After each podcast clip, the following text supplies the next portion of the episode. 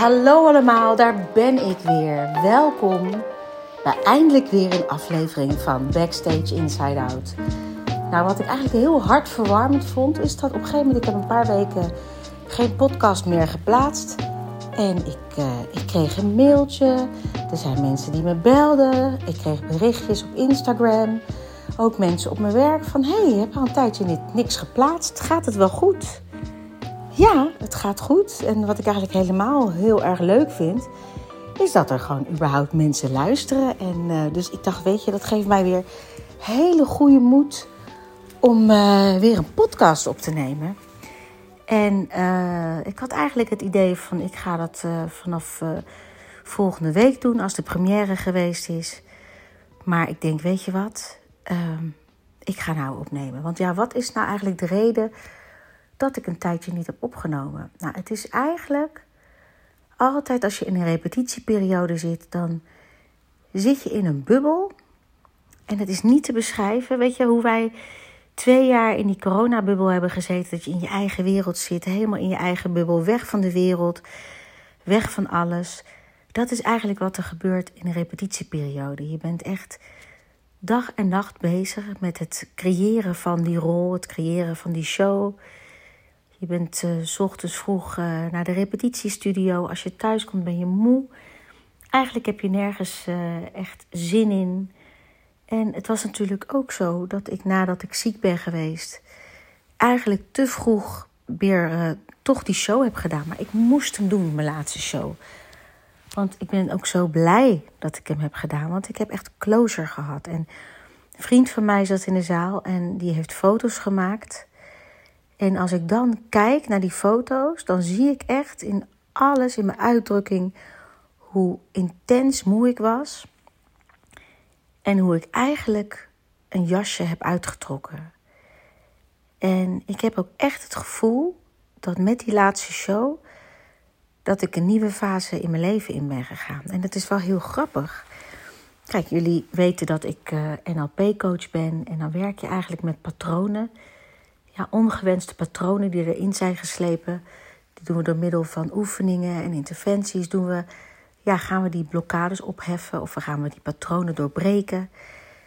En ik wist dat het een heel krachtig iets was. Maar wat ik dus nu eigenlijk merkte, nu ik de rol van Nicky Marin weer um, opnieuw speel, besef ik hoe er dingen kunnen insluipen bij je. Want ik heb die rol acht jaar niet gespeeld. En ik loop nu weer in hetzelfde decor, want het is ook het oude decor wat we vroeger hadden. Hij is alleen nu iets kleiner, omdat dit decor, toen wij klaar waren uh, acht jaar geleden, is dat naar Spanje gegaan. Dat theater was kleiner, dus ze hebben hem kleiner moeten maken. En nu hebben ze hem dus vanuit Spanje weer uit de loods gehaald en uh, weer hier in het Beatrix Theater in elkaar gezet. Maar ja, daar moest ook weer het een en ander aan gebeuren. Dus het is aan de ene kant hetzelfde uh, decor. Maar ja, er zijn een paar dingetjes anders, omdat het nu iets kleiner is. Omdat, ja, omdat het nu het Spanje-formaat is. Maar in principe uh, loop je dus backstage en eigenlijk al die oude herinneringen die komen terug. Want als je iedere dag een show doet. Ik was toen in het begin alternate en later uh, werd ik first cast, Nicky. En uh, ja, dan doe je toch een paar honderd shows, weet je wel. Je doet iedere dag hetzelfde. En uh, dan gaat er een patroon in zitten. En al, dat heb ik dus nu gemerkt, al ben je acht jaar verder, herinneringen, gevoelens, patronen komen weer terug. En ik, ik vond het eigenlijk wel heel mooi om het, uh, om het daarover te hebben, ook in deze podcast. Want um, er is zoveel waar ik over kan vertellen, wat er backstage gebeurt. En, uh, maar het zijn ook wel hele, hele intieme momenten, weet je wel. Zo'n zo'n repetitieperiode, dat is iets, ja, daar zit je mee in je bubbel. En dat kan je eigenlijk ook niet echt delen, omdat je bent met elkaar iets aan het creëren. En dat is gewoon iets heel kwetsbaars. Dus ik kon daar ook niet heel veel over vertellen. Wat ik wel heel bijzonder vind, is dat ik dus de, de Nikki van nu en de Nikki van acht jaar geleden, uh, wat kan ik daarover vertellen? Nou, ik had op een gegeven moment, toen ik in Les Miserables zat, was ik uh, al een tijdje gescheiden. En uh, ik had twee kleine kinderen en ik ontmoette een man. Daar ben ik uiteindelijk mee getrouwd. En uh, ik had met hem. Hij is nog steeds een hele goede vriend van mij. Ik heb ook een kindje gekregen. Maar ik had toen eigenlijk besloten van. Goh, mijn, mijn, mijn leven in het theater en het rock en roll en toch ook wel het wilde leven. Nou ja, ik was niet zo heel wild, maar uh, nou ja, een wijntje en een sigaretje en uh, feestjes, dat vond ik altijd wel heel erg leuk. Um, dat laat ik achter mij en ik word nou een serieuze moeder. En ik ben met hem ook echt um, ja, een hockeymoeder geworden bij Victoria in Rotterdam. Mijn kinderen zaten op een nette school. Alles was zoals het hoorde. Alles was netjes. En ik zou eigenlijk stoppen met het musical leventje. Ik kreeg nog een kindje. En ik dacht, joh, dan geef ik af en toe wat zanglesjes. Maar het was mooi geweest. Ik had behoefte aan rust. Uh, tot ik op een gegeven moment werd gevraagd voor Sister Act. Nou, ik wou Sister Act niet doen. Hartstikke leuke show. Maar ik wou niet meer uh, 7, 8 shows uh, op toneel staan. En toen uiteindelijk Sister Act helemaal gecast werd, werd ik toch gevraagd of ik alternate Dolores wilde worden. En ik ben daar eigenlijk een beetje schoorvoetend heen gegaan. Maar het gekke was, toen ik uiteindelijk daar stond in die auditie, toen voelde mijn hele lijf ging borrelen van ja, dit is toch wel wat bij me hoort. Dus ik heb die rol aangenomen, ben alternate Dolores geworden en daarna ben ik er eigenlijk zo weer verder ingerold als alternate Nicky Maron. Maar voordat ik dat ging doen, toen ik Dolores was, uh, toen had ik een hele grote kieste in mijn buik. Was goed aardig hoor, was niks, uh, niks ergs. Het was alleen dat ik, ik had iedere maand heel veel last van.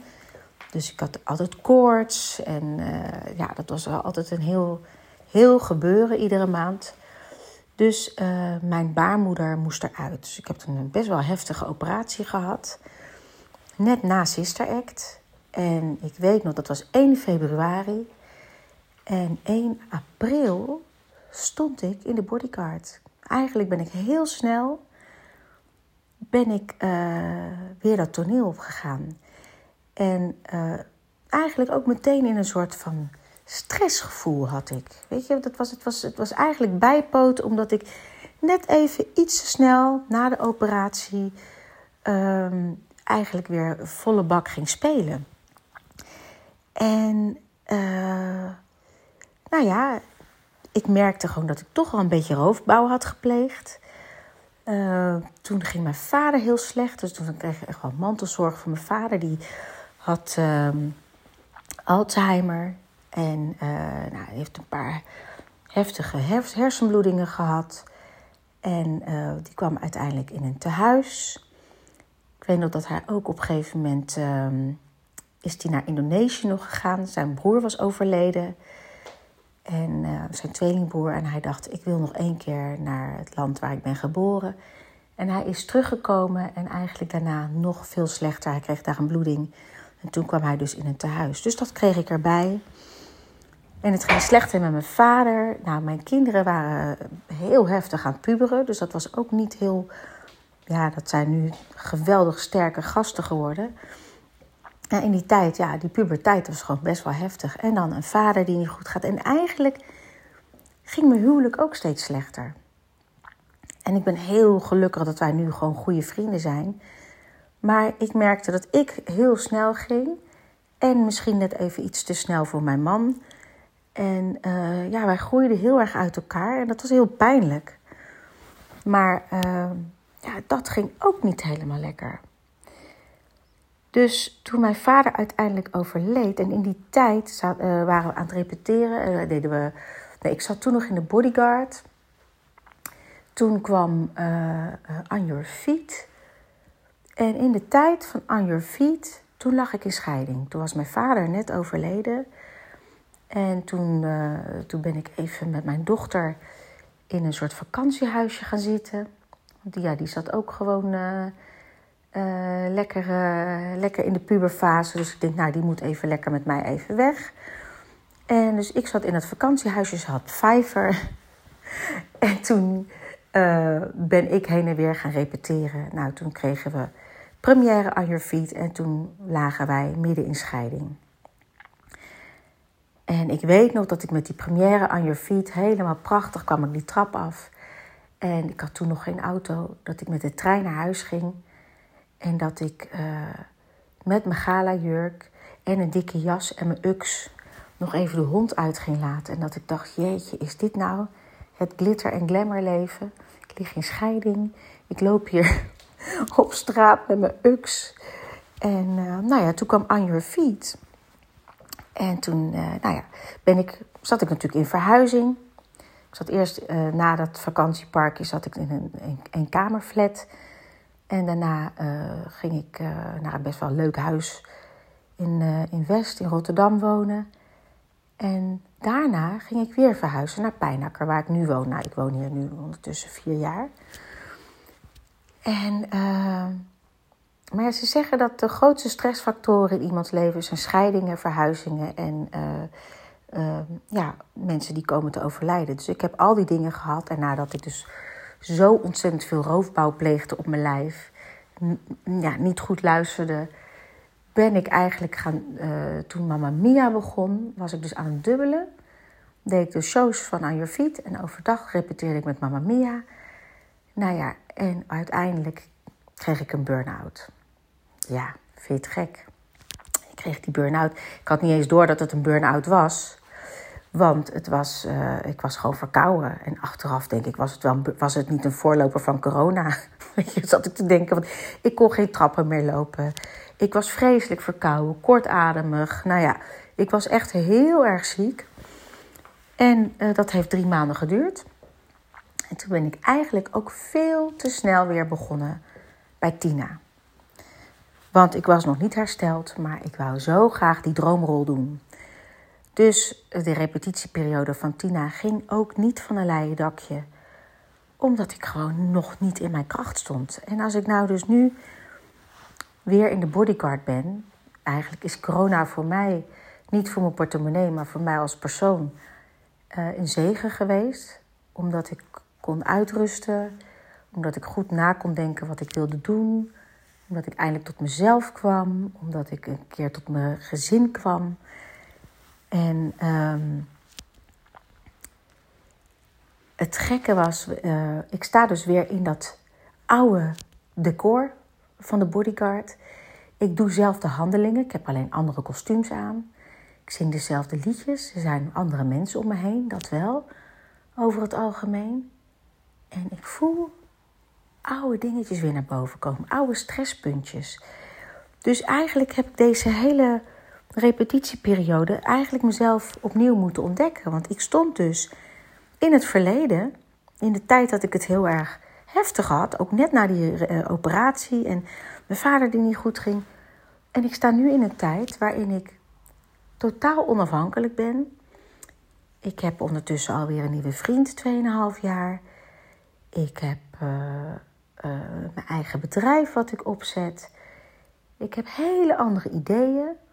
Maar ik doe dezelfde handelingen als dat ik acht jaar geleden deed op toneel. En dat heeft mij wel een beetje uit het veld geslagen. En dat, daar, daarom ben ik ook een beetje stil geweest. Want ik moest dat echt even een plekje geven. En er waren echt dingen in mijn leven die ik even moest. Ja, die moest ik toch wel even verwerken.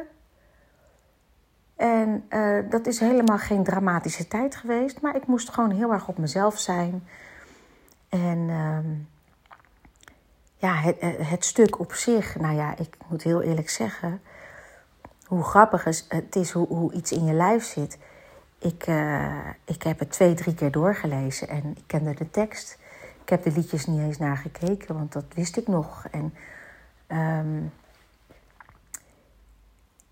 ik sta dus nu dezelfde dingen te doen, maar volgens mij sta ik er heel anders.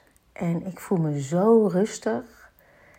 Ik heb ook helemaal niet het gevoel van, goh, ik moet iets laten zien. Of, en mensen vragen aan mij van, goh, vind je het dan niet erg dat je dan van zo'n grote rol naar een kleine rol gaat? Nou, zo zie ik het helemaal niet. Ik zeg ook altijd, er zijn geen kleine rollen. Er zijn alleen kleine acteurs. Uh, dus ik, uh, ja, ik heb niet het gevoel dat ik nou... Ja, ik sta veel minder te doen, tuurlijk. En ik heb het veel minder zwaar. Dat wel. Maar ik heb nou niet het gevoel dat het, dat het min, minder waard is wat ik doe. En uh, in tegendeel, ik heb dat jasje uit kunnen trekken. En ik heb met die laatste show van Tina heb ik een hele bizarre periode af kunnen sluiten. Wat eigenlijk begon bij de bodyguard. Ja, daarvoor zijn natuurlijk ook dingen gebeurd. Maar bij de bodyguard begon alles zich op te stapelen tot een burn-out. Tot helemaal uh, leeg zijn en weer opbouwen. En nu, het cirkeltje is rond. En dat vind ik eigenlijk zo leuk. En ik, ik merk nu ook als ik op toneel sta en ik, ik sta dat ding te zingen. En dan, ik kan veel meer om me heen kijken. Ik kan veel meer genieten. En um, ik kan nieuwe habits op gaan bouwen. Ik kan nieuwe patronen op gaan bouwen. En uh, ja, dus er was pas ook iemand die vroeg aan mij: joh, ik heb een tijdje niks gehoord. Gaat het goed? Nee, het gaat eigenlijk heel goed. Ik heb eigenlijk al mijn energie moeten stoppen en nieuwe patronen opbouwen. Nou hebben we morgen eigenlijk onze eerste preview. Nee, nee, geen preview. We hebben onze dress rehearsal. En wat houdt een dress rehearsal in? Uh, is uh, dat je eigenlijk voor het eerst voor publiek speelt, maar dan niet voor betalend publiek, maar uh, voor je vrienden en familie. En um, ja, want we, we hebben nu gespeeld, maar we weten natuurlijk niet hoe de reacties uit de zaal zijn. Hoe mensen op grapjes reageren. Of, um, ja, of dingen wel werken, ja of nee. Want je, je kan een show helemaal in elkaar zetten. Maar, hi schatje. Ik ben een podcast aan het opnemen. Oh, sorry. Nee, dat maakt niet uit. Dat is Gaia, die komt even binnen.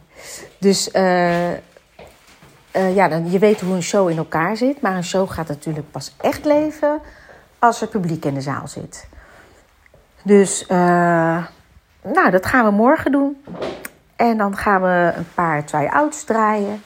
En dan hebben we 16 april de première ik heb een première pak, want het wordt geen jurk. Ik heb een heel mooi pak bij mijn vriendin eh, Angela. Die heeft een winkel in Rotterdam. Dat is echt een aanrader, Dion Vintage. Ja, moet ik even reclame maken. Maar daar heb ik even, ja, daar heb ik een mooi pak gehaald. En ik kan niet wachten om, uh, ja, om de 16e die trap af te lopen. Mijn gezin te zien en dan echt te beseffen van... hé, hey, we zijn nu in een nieuw tijdperk ja, het is allemaal heel goed afgesloten. Nog een heel leuk weetje is dat de 16e ochtends gaat de film in première waar mijn zoon in zit, Lewin. Daar speelt hij een, uh, een rolletje in. Dus ik ga eerst daarheen. Ik ben ontzettend blij dat ik daarheen kan. En uh, nou, dan rij ik als een speer uh, naar het Beatrix Theater. Dan doen we de show en dan, dan gaan we weer lekker nieuwe herinneringen maken nieuwe patronen opbouwen en ja, met heel veel positiviteit een nieuw tijdperk tegemoet. Nou, uh, lieve luisteraars, ik wil jullie heel erg bedanken. En ook bedanken voor de mensen die zich. Uh, die mij een mailtje hebben gestuurd of een berichtje hebben gestuurd. het gaat allemaal goed en we gaan gewoon nu weer lekker verder met opnemen. En um, er komen ontzettend veel leuke dingen aan. De dag na de première komen mijn leerlingen hier eten. En we gaan een heel mooi optreden doen. 28 mei. Nou, dat ga je nog wel zien op de socials. Dus als jullie dan willen komen, ja, dan kan je een kaartje kopen. 17,50, helemaal niet veel. En dan kan je eigenlijk alles aan ons vragen wat je wil. En we gaan ook nog voor je zingen. Nou, er zijn dus heel veel leuke dingen die eraan zitten te komen. Heel erg bedankt en tot de volgende keer weer.